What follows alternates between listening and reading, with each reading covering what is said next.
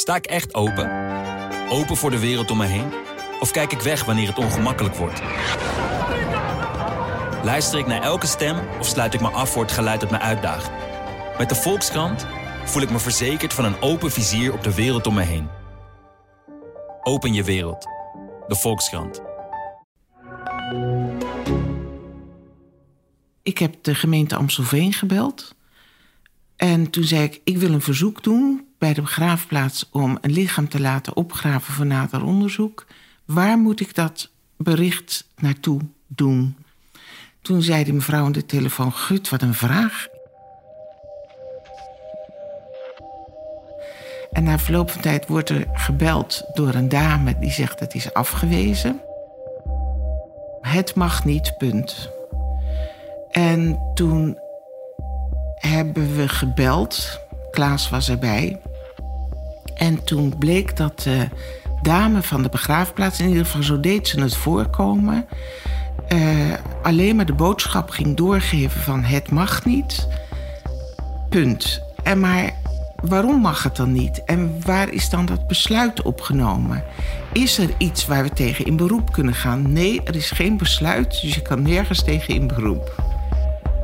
Heel frustrerend.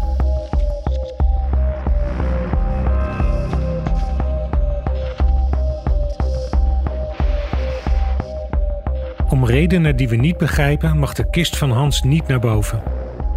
We besluiten meteen om een nieuw en beter gemotiveerd verzoek in te dienen, maar het is hoe dan ook een tegenvaller.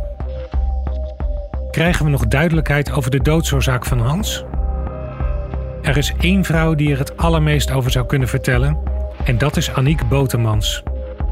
Zou een veroordeeld oplichter me openheid van zaken willen geven, of scheept ze me af met een kletsverhaal? Het is hoe dan ook mijn journalistieke plicht om haar te spreken. Dit is de Zwarte Dag van Hans, met voorlopig de laatste aflevering: De Kist.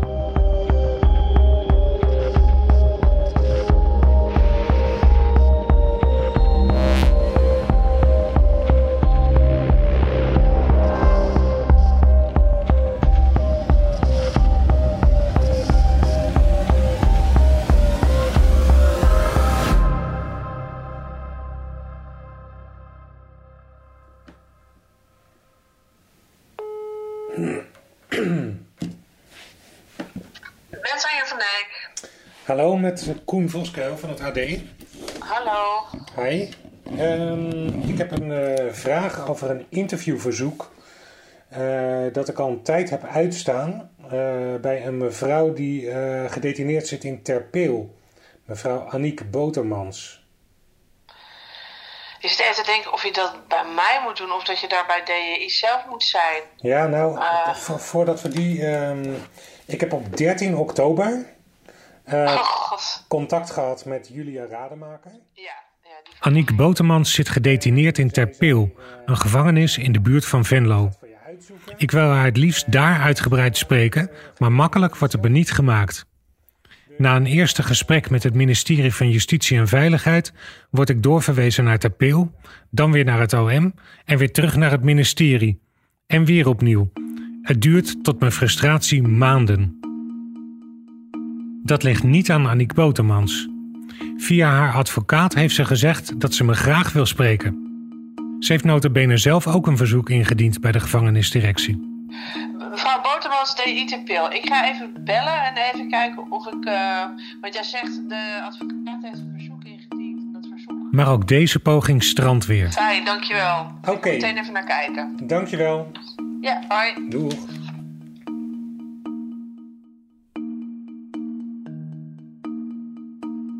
Toch gloort er misschien licht aan de horizon. Al twee weken lang heb ik oproepen van een 020-nummer dat ik herken als het algemene gevangenisnummer. Door stom toeval heb ik de oproepen steeds gemist. Zou het Aniek Botemans zijn die me vanuit de gevangenis probeert te bellen? Terwijl we in Utrecht voice-overs inspreken voor deze podcast, verschijnt ineens het 020-nummer weer. Ik neem op terwijl we snel een recorder aanzetten, vandaar dat het begin van dit gesprek ontbreekt terugbellen. Um, vorige keren toen, um, ja, was ik of met iemand uh, aan de lijn waar ik wederhoor voor moest hebben, of uh, had ik net uh, je belletje gemist? Het blijkt daar inderdaad te zijn. Aniek Botemans. Dus vandaar ja, dat, dat begrijp ik allemaal wel. Ja, ja. Ik, ik kan een heleboel dingen heel goed van afstand interpreteren, zelfs terwijl ik je nog amper ken. Ah. Dus dat is niet een probleem hoor. um, ja, ik werk ook al heel lang, hè, dus dan leer je wel hoe mensen soms geduld moeten hebben om elkaar te pakken te krijgen, zullen we maar zeggen. Precies. Ja. Het is een rare gewaarwording om de vrouw aan de lijn te hebben waar ik al maandenlang de meest vreemde verhalen over hoor. Ik ben zelfs voor haar gewaarschuwd dat ze alle mannen om haar vinger wint, dus dat ik zelf ook moet oppassen. Botermans stem is geaffecteerd, zoals mensen haar al beschreven. Ze klinkt vriendelijk, maar ook resoluut, dwingend zelfs. Wat me vooral opvalt is dat ze doet voorkomen dat het gevangenispersoneel werknemers van haar zijn. Alsof ze daar de toko runt. Ik heb uh, net mijn, uh, zoals het hier heet, case manager gesproken. En die raadde ten stelligste aan omdat jij met de afdeling publicatie ja. van het ministerie contact neemt waar het verzoek ligt. En zo luister ik plotseling naar het advies van Aniek Botemans hoe ik binnen de detentiewereld het makkelijkst een gesprek met haar kan regelen. Ik kan me ineens iets voorstellen hoe ze mannen heeft geholpen hun geld op de meest profijtelijke manier te beleggen. Maar ik ben blij dat het contact is gelegd en ga proberen haar in het echt te ontmoeten. Oké, goed. Oké, nou, nou, hopelijk. Tot uh, binnenkort. Yes, prima. Ja. Bedankt. Dag.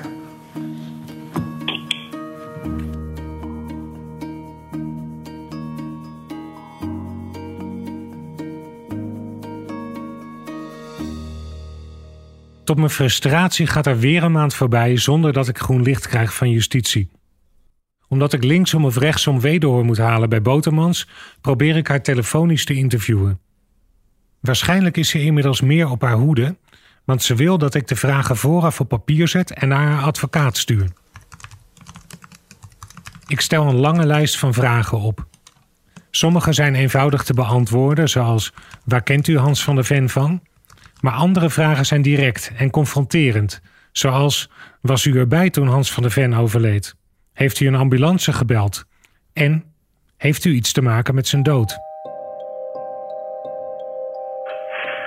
Uh, dag meneer Van Skuil, u spreekt met uh, mevrouw Botermans. Ik uh, heb uw vragen doorgenomen en ik... Als antwoord stuurt Aniek Botermans een opname van zes minuten... die ze vanuit de gevangenis heeft doorgespeeld aan haar advocaat. Ik beluister hem meteen, hopend dat ik eindelijk helderheid krijg over de oplopende spanning in huis en het fatale moment. Wat betreft uh, Hans van der Ven, uh, het klopt inderdaad dat ik hem ken. Ik heb hem ontmoet ooit, jaren geleden, toen hij bezig was als stichtingsbestuurder van een stichting voor vegetariërs. Die zochten naar een pand waarin zij. Botemans neemt uitgebreid de tijd om uit te leggen hoe ze Hans heeft leren kennen. Ze zegt Hans te hebben geholpen met advies over een kasteel dat de stichting waar hij bij betrokken was wilde aankopen. Later komt ze opnieuw met hem in contact. Botermans zit op dat moment in de problemen. Haar vastgoedbedrijf is failliet verklaard en ze voert een verbeterde strijd tegen haar curatoren. En zo ben ik successievelijk dan alles kwijtgeraakt en heeft Hans gezegd: Ik trek me je lot aan. Ik wil proberen voor je op de bres te gaan staan. En op een gegeven moment, toen ik onderdak nodig had, zei hij, nou, ik, eh, als je het nodig hebt, kan je wel bij mij logeren. Terwijl ze bij hem in huis woont, zegt Aniek zich te bemoeien met de uitvindingen van Hans. Bijvoorbeeld de ontwikkeling van medische apparatuur. Ze fungeert eerst als praatpaal en later als meedenker, zegt ze. Het valt me op dat Botermans hier net doet of ze slechts aan de zijlijn staat, terwijl uit diverse gesprekken met anderen is gebleken dat zij juist de aanjager van alle plannen was directeur en een mededirecteur. Terwijl ik luister, zie ik de opnametijd wegtikken, zonder dat ik iets heb gehoord over het overlijden van Hans. Pas na vijf minuten begint ze over zijn gezondheid. Maar op enig moment was het inderdaad dus zo dat Hans van der Vennen in één keer uh, ja, was overleden. Ik weet dat hij ziek was. Hij vertelde dat hij suikerziekte had, al heel lang en heel ernstig al. Steeds ernstiger eigenlijk. Hij ging, uh, nou ja, op mijn verzoek ook uiteindelijk wel weer naar zijn huisarts, naar het ziekenhuis. En ja, hij kreeg op een gegeven moment het advies om zich te laten opereren, maar hij stelde dat maar uit en uit en uit. Omdat hij vond dat zijn zaken eerst beter op de rit moesten zijn. Nou. En in één keer uh, stond ik daar dus en was hij er niet meer. En in één keer stond ik daar dus en was hij er niet meer. Het is het enige dat Aniek Botemans over Hans dood loslaat vanuit haar pil. Wat wil ze hiermee zeggen? Nou ja, dat is enorm nadelig voor mij en voor die mooie projecten. En dat is alles wat ik erover kan vertellen. Dus ik hoop dat u hier genoeg informatie aan heeft voor het moment. En anders dan spreken we elkaar misschien later nog een keer. Dat was het. Dat was het? Ondanks dat ik haar advocaat vraag om meer antwoorden, belt Aniek Botemans me na deze opname niet meer op. Ik heb zes minuten geluisterd naar een vrouw die vooral heeft uitgeweid over het onrecht dat haar is aangedaan bij haar faillissementen. Alle cruciale vragen die ik haar heb gesteld over het overlijden van Hans, heeft ze gladjes ontweken. Ze vertelt zonder een spoor van twijfel in haar stem. Is dat omdat haar niets te verwijten valt? Of luister ik naar een vrouw die een man heeft laten doodgaan in huis, of erger nog, hier een handje bij heeft geholpen? Ik durf het niet te zeggen. Aniek Botemans blijft ongrijpbaar voor me. De antwoorden die ik zoek, kan ik niet van haar verwachten. We zijn ongelooflijk veel te weten gekomen over de dood van Hans. En tegelijkertijd lijkt het onderzoek ineens stroever te lopen. Justitie geeft nergens antwoord op. De MIVD wil niet zeggen. De schouwarts zwijgt vanwege zijn medisch beroepsgeheim. Alle zakenpartners van Hans houden hun kaarten tegen de borst. Annick Botemans heeft alle vragen afgewimpeld en het lichaam van Hans van der Ven lijkt niet boven de grond te mogen komen.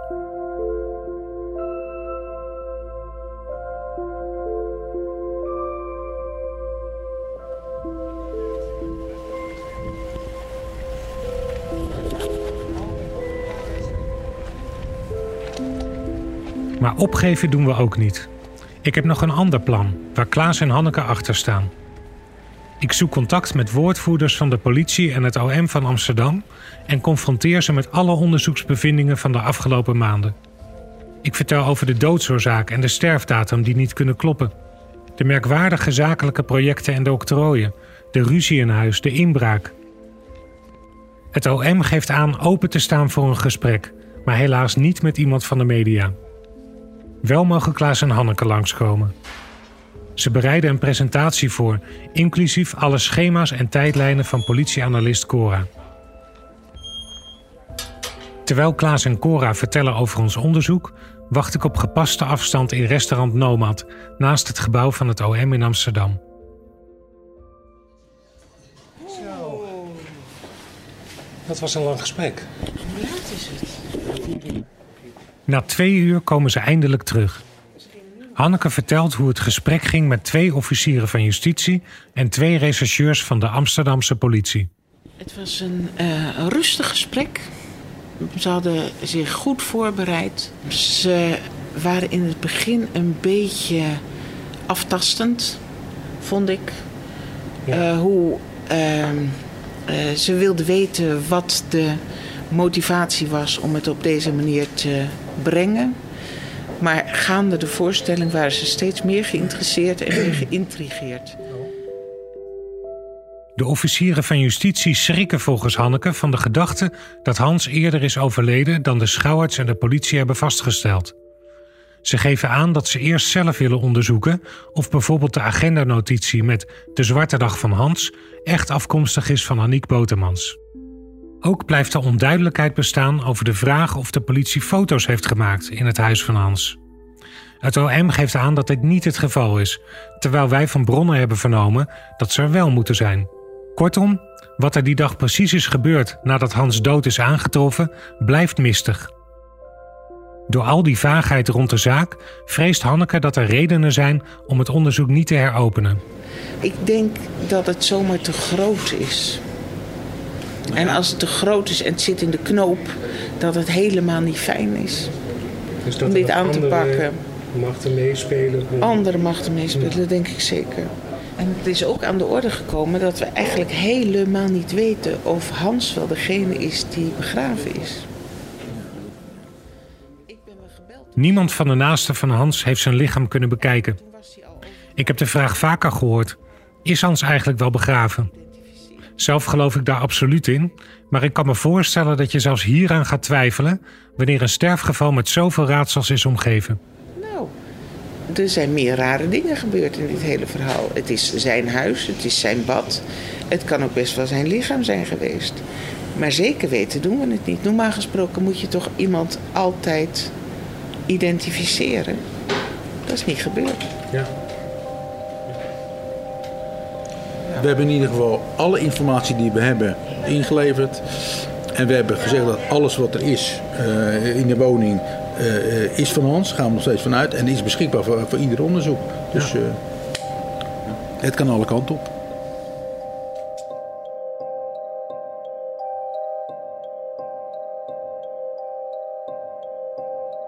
Er gaat een week voorbij waarin we met spanning wachten op een vervolg. Dan ontvangt Klaas een brief van het OM met daarin de beslissing over de zaak. Producer David en ik maken een afspraak bij het Openbaar Ministerie in Amsterdam. Ja, oké. Okay. Staan de telefoons een beetje uit en zo? Ja, ik heb mijn telefoons uh, uitstaan. Even checken nog. Uh, Verder niks is natuurlijk live, dat snappen jullie. Uh, dus nee, als je nee. zegt, nou, dit hele, deze hele zin begin ik even opnieuw, ja, want ja. als we heel gaan stotteren, dat geen enkel probleem. Geregeld, maar het ligt even Dan gaan we hier niet op, uh, oppakken en de edit. Nee, nee. Ik spreek persofficier van Justitie Justine Asbroek. Die begint met een uitleg hoe het OM de zaak een jaar geleden heeft beoordeeld. Nou, we hebben in eerste instantie melding gekregen, uh, niet over de dood van deze man, maar over het feit dat er een voortvluchtige vrouw in de woning uh, zou zijn op een bepaald adres. En de politie heeft, uh, nou ja, naar aanleiding daarvan een, een, zogenaamde instap gedaan. En deze persoon ook aangetroffen, dus deze mevrouw, die gezocht werd voor een strafbaar feit. Um, toen is ook een stoffelijk overschot van een persoon aangetroffen. En de politie heeft daarop, uh, zoals dat altijd gebeurt, uh, uh, een schouwarts gebeld. Want ja, wij hebben uh, de politie en het OM hebben natuurlijk zelf geen expertise in dat opzicht. De schouwarts is gekomen, die heeft uh, het stoffelijk overschot natuurlijk onderzocht. Die heeft vervolgens geconcludeerd dat er sprake was van een natuurlijk overlijden. Nou, in dat geval wordt dan op dat moment een piketofficier gebeld. Want die gaat over de vrijgave van een, van een lichaam. Um, de piketofficier heeft dan altijd contact met de schouwarts, maar ook met de recherche die op dat moment aanwezig is. In dit geval was ook forensische opsporing aanwezig. En die hebben eigenlijk aangegeven geen aanleiding of aanwijzingen te hebben om te veronderstellen dat er sprake zou zijn van een, van een misdrijf. Um, en op basis daarvan heeft de officier van justitie uh, aangegeven dat het lichaam kan worden vrijgegeven. Dus dat is wat er gebeurd is in deze zaak. Is er wel onderzoek gedaan in de tijd dat de politie binnen was? In het huis, aan het lichaam? Uh... Nou, de politie zelf doet geen onderzoek aan het lichaam. Dat is echt uh, de taak van de schouwarts. Uh, toen de politie naar binnen is gegaan, is er wel, zoals het heet, uh, zoekend rondgekeken. Er heeft geen doorzoeking plaatsgevonden. Maar dat kun je eigenlijk alleen maar doen als er sprake is van een strafbaar feit. Of dat er aanwijzingen zijn dat een misdrijf is gepleegd. En dat was in deze zaak niet het geval, omdat de conclusie was: er is sprake van een natuurlijk overlijden. Ja, en dat betekent dat wij niet in kasten gaan kijken of onder de bank gaan kijken wat, wat er eventueel aan materiaal of aan goederen ligt. Dus we hebben geen doorzoeking uh, gedaan in deze woning. En als iemand voortvluchtig is, is dat ook een strafbaar feit? Nee, voortvluchtig zijn zelf is geen strafbaar feit. Uh, maar de persoon die is aangehouden, die stond gesignaleerd omdat zij uh, nou ja, werd verdacht van een strafbaar feit. En dat is de reden dat zij werd aangehouden. En haar aanhouding heeft ook niets te maken met het feit dat uh, vlak na haar aanhouding een, een lijk is gevonden in de woning. Oké. Um, een klein jaar later uh, hebben zich twee mensen gemeld. Uh, Hanneke van Hilte, erfgename, uh, nabestaande van Hans van der Ven. En Klaas Langendoen, die uh, vererfenaar is van de erfenis... maar ook onderzoek heeft gedaan, onder meer samen met mij. Um, en zij hebben een presentatie gehouden. Ja, er heeft inderdaad een gesprek uh, plaatsgevonden bij het OM Amsterdam met twee zaaksofficieren en rechercheurs en uh, de personen die je zojuist uh, noemde. Ehm, deze personen hebben een presentatie gegeven en die presentatie heeft aanleiding gegeven voor het OM om te zeggen van wij openen onderzoek naar de dood van deze man. Het Openbaar Ministerie gaat het onderzoek naar de dood van Hans van der Ven heropenen. Het is de beste uitkomst die we hadden kunnen wensen. Dat onderzoek loopt op dit moment. Uh, dat betekent meteen ook dat wij natuurlijk verder geen uitlatingen kunnen doen over wat er op dit moment uh, loopt. Omdat uh, nou ja, het een lopend onderzoek is. En wij moeten natuurlijk van allerlei dingen doen ja, die op dit moment nog in het geheim plaatsvinden. Zoals dat altijd gaat met strafrechtelijke onderzoeken. Maar het loopt inmiddels wel. Justitie heropent het onderzoek naar het overlijden van een man uit Amstelveen. Vorig jaar werd hij dood aangetroffen in bad. En de schouwarts ging toen uit van een natuurlijke dood. Maar door een podcast van het AD is twijfel ontstaan. Als we het naar buiten brengen, is het meteen groot nieuws in de media. Maar het is vooral belangrijk voor Hanneke van Hilten, die al zo lang duidelijkheid wil. Als ik haar naar aanleiding van het bericht van Klaas bel, spat de opluchting ervan af. Oh, wat ben ik hier gelukkig mee. Oh, wat ben ik hier gelukkig mee. Goed, hè? Potverdorie. Jeetje. Wat... Nou, ben helemaal ontdaan. Ineens volgen de gebeurtenissen elkaar snel op. Het Openbaar Ministerie informeert de nabestaanden dat het lichaam van Hans alsnog onderzocht gaat worden door het Nationaal Forensisch Instituut. Hanneke van Hilten wordt gevraagd een lijst door te geven van medicijnen die Hans gebruikte. Ook vraagt de politie om alle laptops en telefoons uit het huis. Alle opties zijn dus weer open. Jongens, jongens, jongens, jongens. Nou, prima. Echt prima. Ja, dus uh, het lijkt er echt op dat de lichten op groen gaan. En uh, nou ja, uh, dat je in ieder geval zekerheid gaat krijgen. Ja, nou man, wat zou het mooi zijn. Maar laten we in godsnaam een beetje vaart maken. Straks zit de vorst in de grond. Ja, ja, inderdaad. helemaal niet fijn. En daarmee zijn we verder dan we bij de start van deze podcast hadden durven hopen. De zaak wordt heropend. We onthullen dat in de krant op 29 januari, exact een jaar na de dag waarvan wij aannemen dat Hans is overleden. De opgraving volgt twee dagen later. NPO Radio 1. Justitie heeft het lichaam van een oud MIVD-medewerker laten opgraven. De man van 69 uit Amstelveen overleed een jaar geleden. Aan de officiële doodsoorzaak wordt getwijfeld. Het lichaam wordt onderzocht door het NFI... naar aanleiding van een podcast van het AD.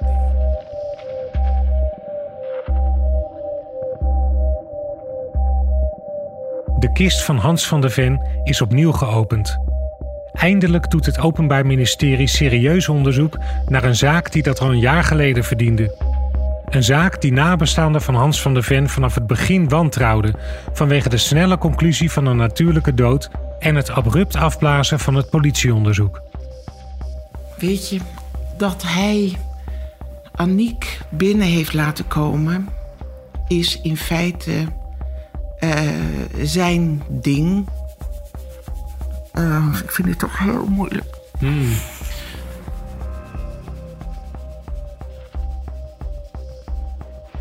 Maar zij was niet alleen. Er zit een hele enge kliek omheen.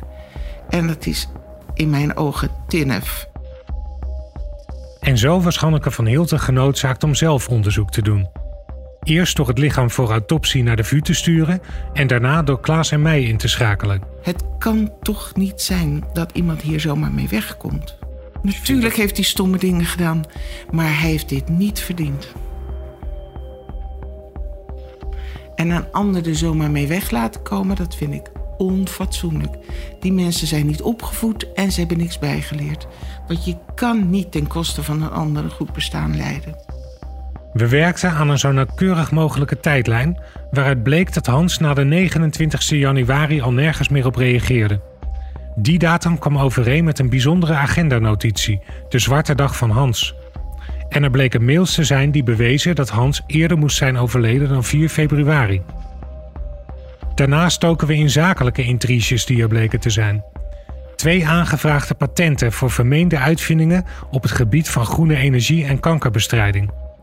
We ontdekten dat een nieuwe bestuurder in de bedrijven van Hans naar voren werd geschoven, net in de tijd dat Botemans het huis uit zou worden gezet.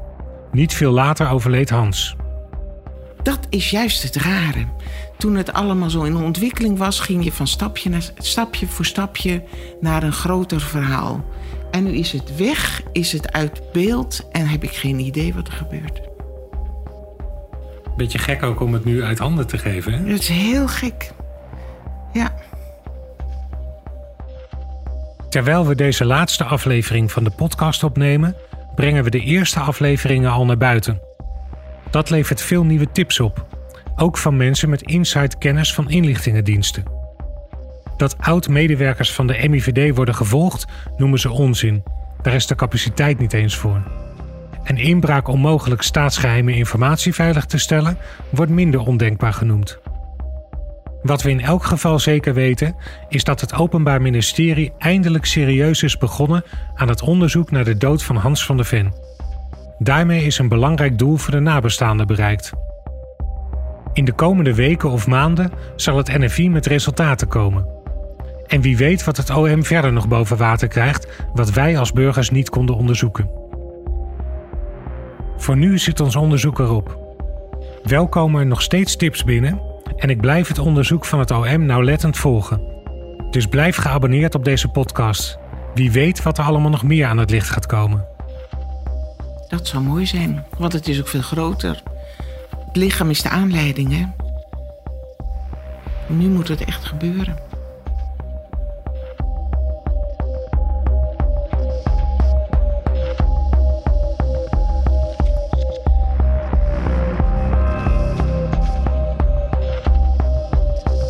Dit was voorlopig de laatste aflevering van De Zwarte Dag van Hans. Een podcast van het AD en aangesloten regiokranten... die werd gepresenteerd door mij, Koen Voskuil. Productie was van David Achter de Molen van het podcastkantoor. Eindredactie is gedaan door Kevin Goes. Aan dit onderzoek werkten mee... oud-politiemedewerkers Klaas en Cora Langendoen... Sonja Veldhuis en Frank van der Goot van het Nationaal Forensisch Onderzoeksbureau en Roel van der Valk van Red Team Security. Ik wil hem bedanken, maar ook de tientallen mensen die ik voor deze podcast sprak, maar die niet te horen waren. En uiteraard gaat mijn dank uit naar de nabestaanden. We hopen dat ze een stapje verder zijn gekomen in het beantwoorden van de vele vragen over hun vriend, Hans van de Ven.